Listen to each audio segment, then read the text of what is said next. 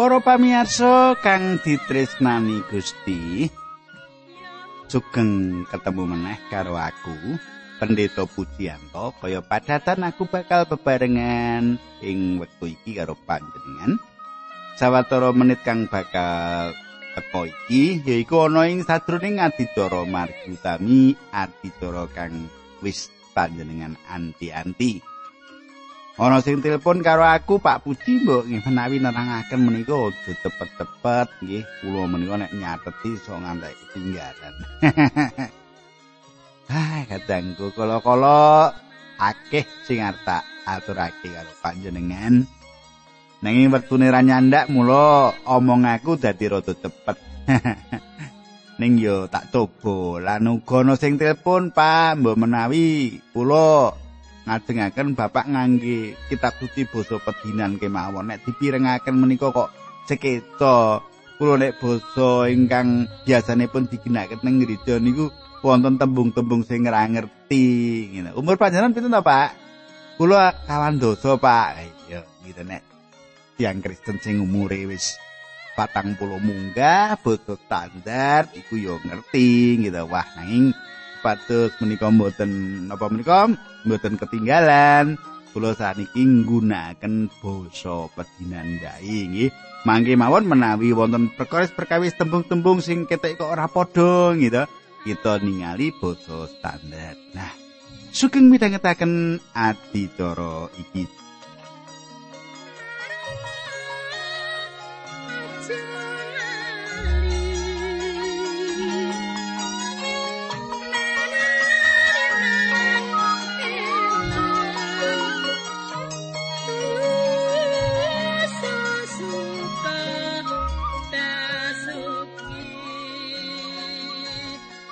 Kadangku apa panjenengan iki kelingan sing ndaturake kepungkur mestine panjenengan kelingan yo saben-saben aku pancen ngilingake marang panjenengan apa-apa kang wis ndaturake ing patemon kepungkur supaya panjenengan ora lali.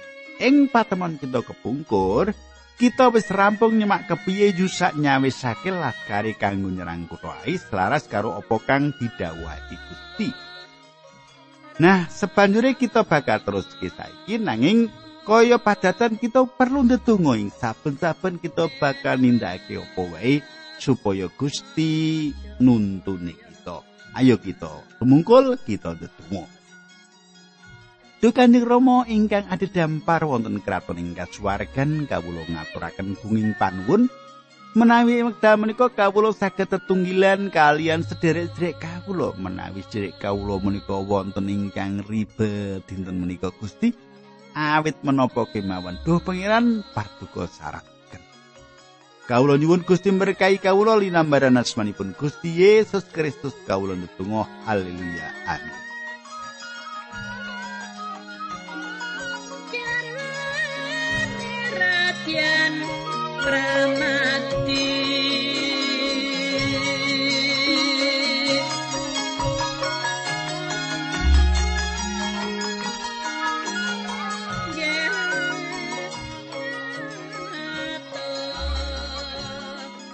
Pamirsa, pasinaon kita saiki wis ngantik kitab Yusa utawa ing basa pedinan kitab Yuswa 8 ayat 30.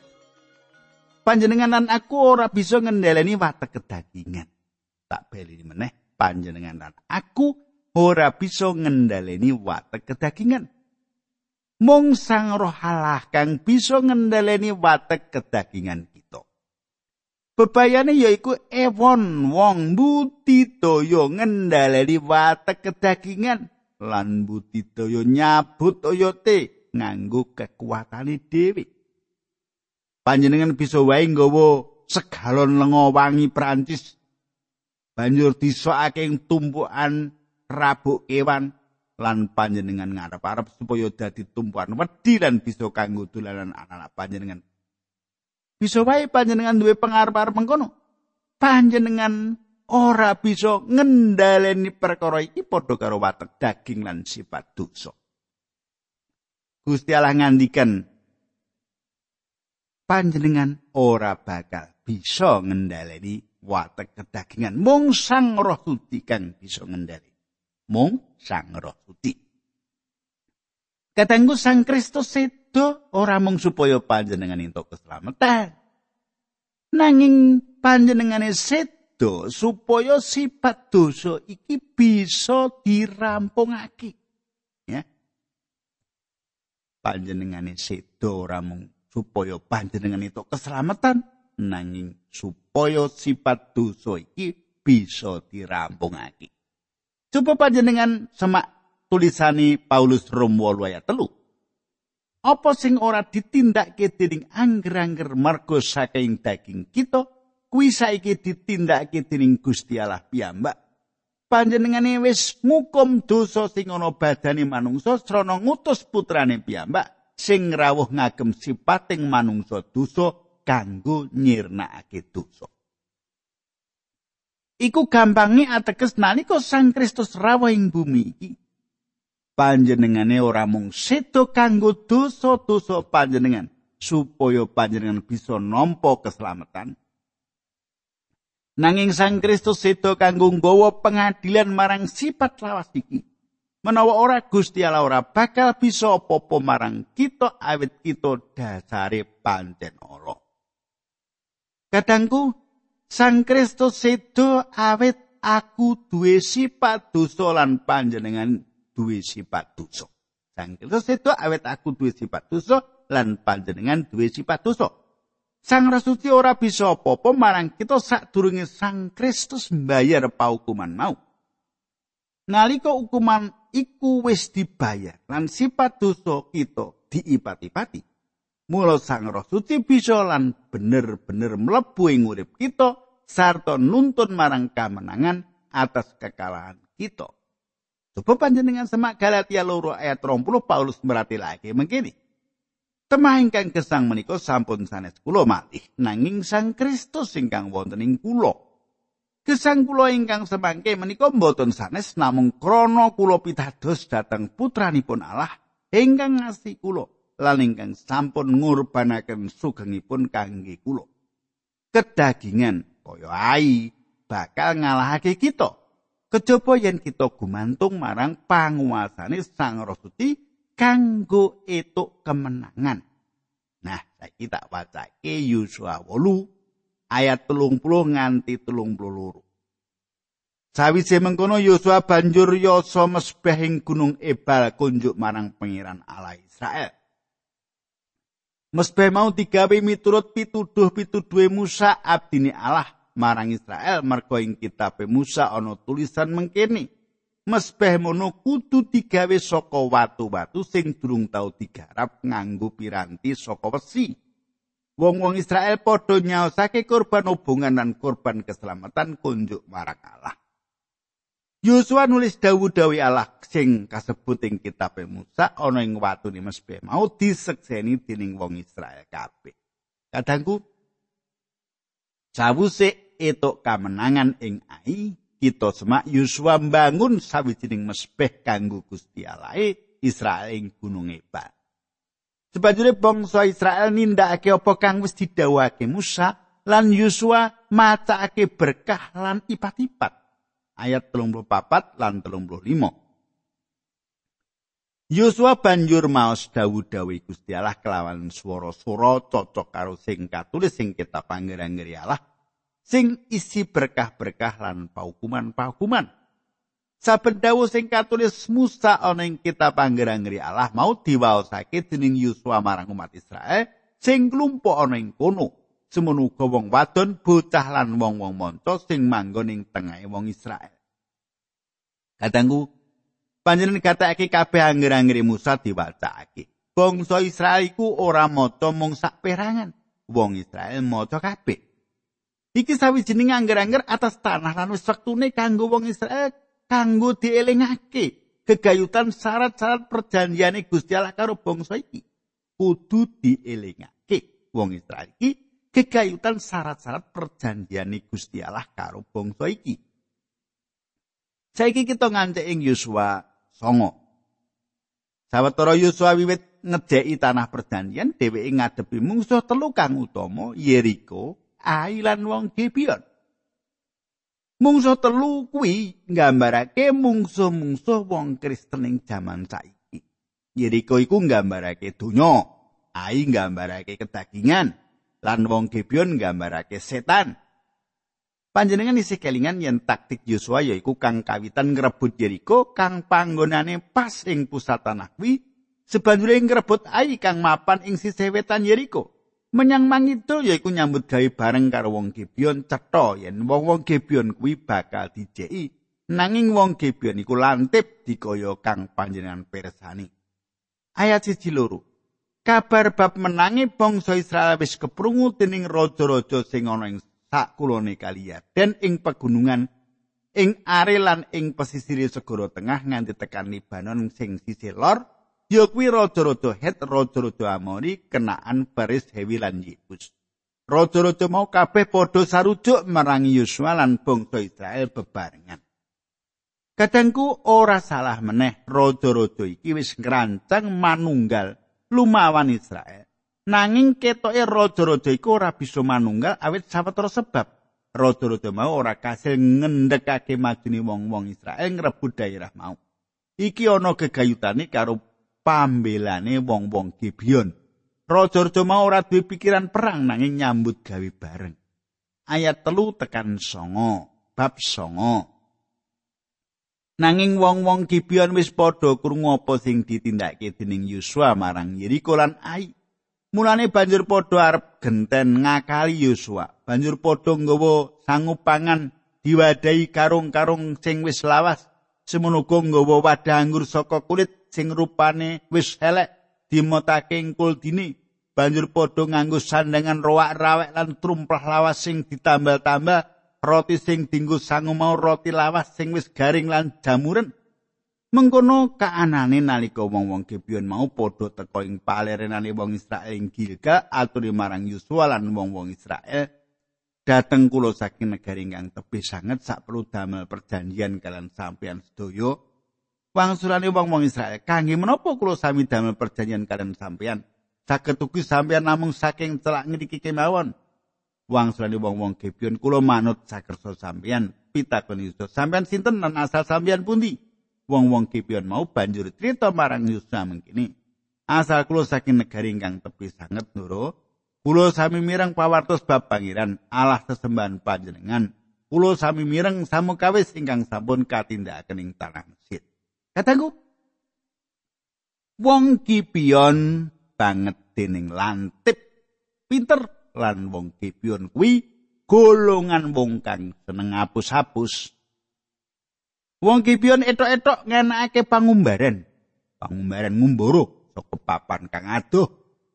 Kamangka satemene wong Gibeon manggon ana sawetara kilometer saka Yerusalem tuwi.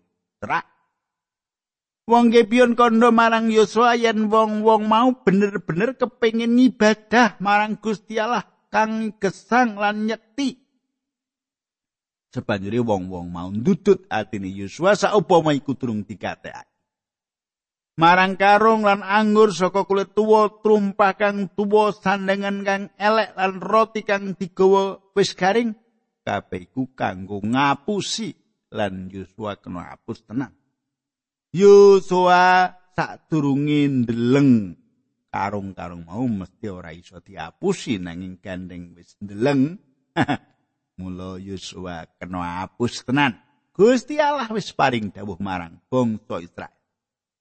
Supaya apa? Supaya babar pisan nyirnakake kabeh bangsa ing daerah kuno.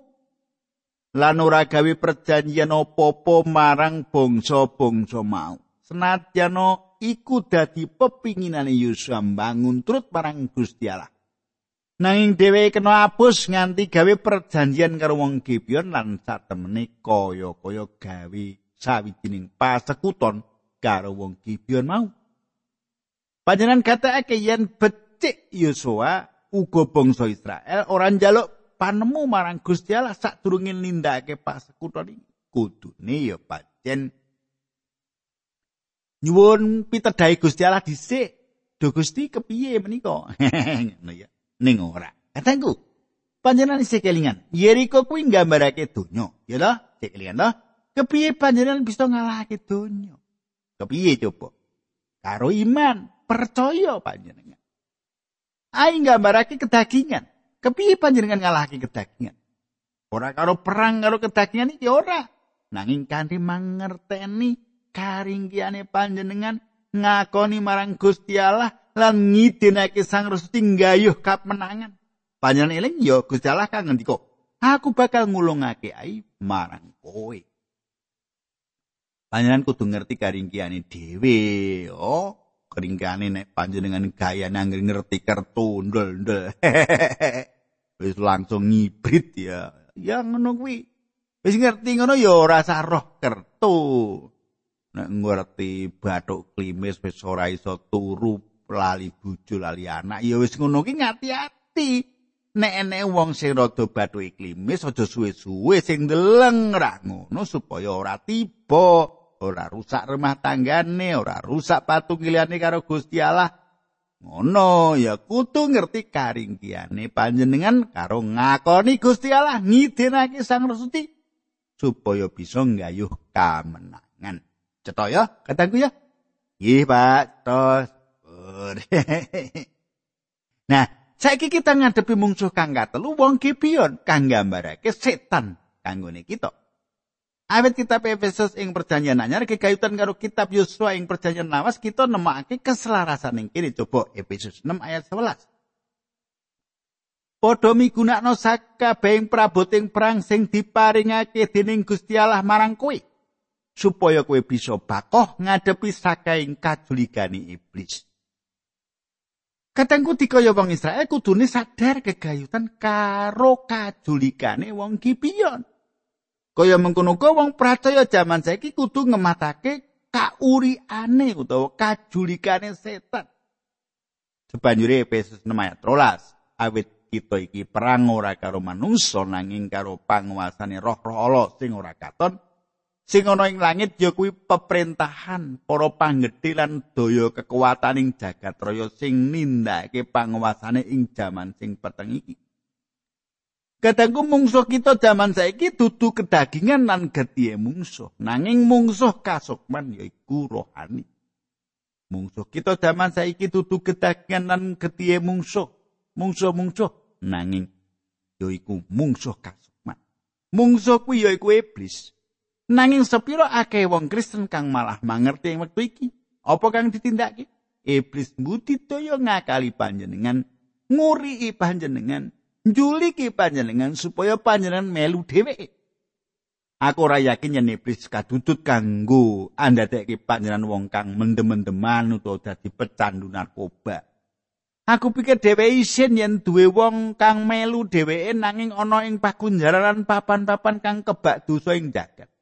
Iblis lunga menyang gereja minggu kepungkur lan bakal ana ing kono minggu ngarep. Iblis kepengin panjenengan gagal lan tundone manembah dheweke. iblis iku lantip lan akeh wong Kristen kang dadi balani. Iblis bisa ngapusi mripat kita. Coba ing Korinta loro ayat 11. Paulus meratelake supaya iblis aja oleh wewengan gawe rugi kita sebab kita rak padha ngerti pokal gawe ni.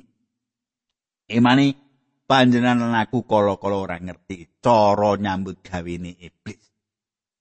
Katengku saiki kepiye kita ngawekani mungso iki? merantasi mungso iki. Yakobus papat ayat pitu merate lagi. Mulane padha wedi asya karo Gusti Allah. Iblis lawanen karepen padha mlayu ninggal kuwi.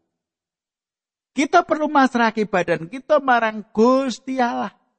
Iku kang kawitan kang kudu kita tindaki kaya ngopo perlune kita tetep cecedhakan karo Gusti Allah ing wektu iki nalika kita urip iblis lagi nyambut gawe kanggo ngapusi kita wong-wong percaya.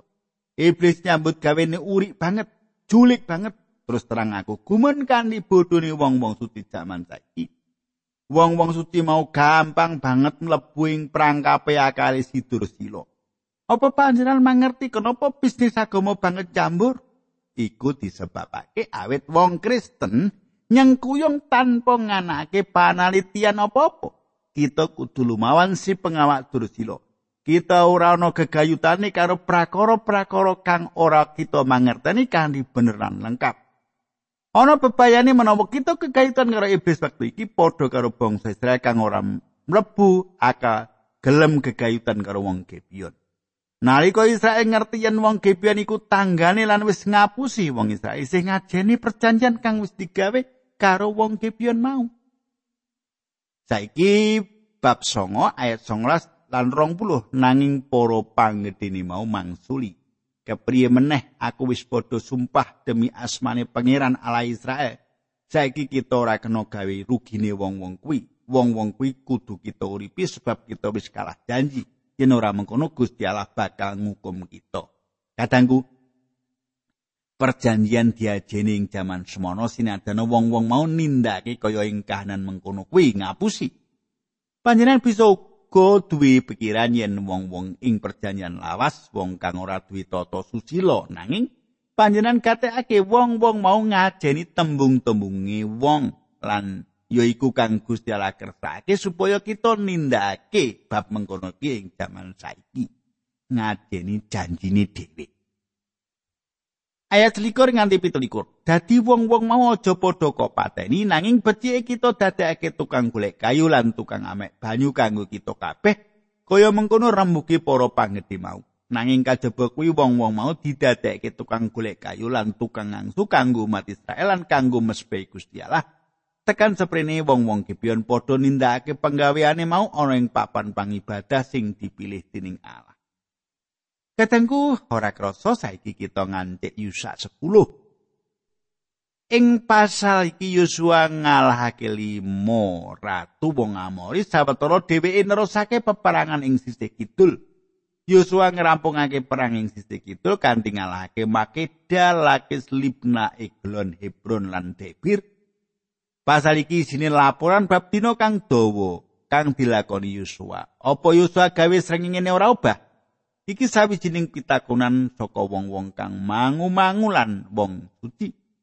Iki ndak aturi sawetara keterangan bab dina kang dawa kang dilakoni Yosua kang asring dadi pirembukane wong. Siji, wong luwih seneng ngedoi nafsirake apa wae, wong ora metung babar pisan kaya-kaya perkara iku ora ana regane kanggo dikomentari. Ayat loro, kaping pindho, Ana kang nganggep yen iku mung pratela kaya dene puisi ayat 12 iki sawijining pambudidaya kanggo ngangkat tafsiran kang ora harafiah kang nampik mujizat iku saka lelakon iku sawutuwe. Wong-wong kang ngiloni panemu iki secara umum dicekelan pangandikane Allah ing para hakim 5 ayat 30. Lintang-lintang melu perang saka kono sisirea diserang. Aku nampik panemu iki minangka karya puisi awit kita ora cukup keterangan kanggo nyatakake kanthi cara dogmatis yen kita sawijining pratela lan dudu kasunyatan. Perkara iki ngelingake kita bab sebutan tetiron yen basa pusi sawijining bab apus-apus. Angka telu ana kang nyebut iki sawijining mukjizat srengenge nuduhake dinane awan terus kang ditengenake dipapanake ana ing ayat 13. Papat ana kang dipanemu yen Gusti Allah ndadekke srengenge ora ubah babar pisan. Ana kang kondo kang dilakoni Yusuf kuwi 23 jam 20 menit batang puluh menit liyane ditemokake ing loro raja-raja 20 ayat 8 tekan 11 jaman semono srengenge mundur 10 derajat nang mburi kanggo meni tondo marang Hizkia yen uripe bakal didawake Angka 5 ana kang nganggep yen Gusti Allah gawe peteng srengenge supaya ora sumenar laskare Yosua baris sewengi kira-kira 20 km nyerang mungsuh saka mburi ngrebek wong mau Keterangan kang apik dhewe yaiku gabungan papat lan limo.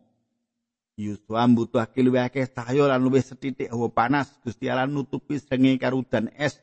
Gusti Allah ngalonake obahing bumi ayat 13 ing sak dhuwure Gibeon nuduhake yen srenge ana ing tengah-tengah misahake Gibeon lan bulan kang lagi mudhun ing ngare ayalon. Lelakon iki sawijining mukjizat. Nah katangku, aku tak rampungi. Dino iki patemon kita ya.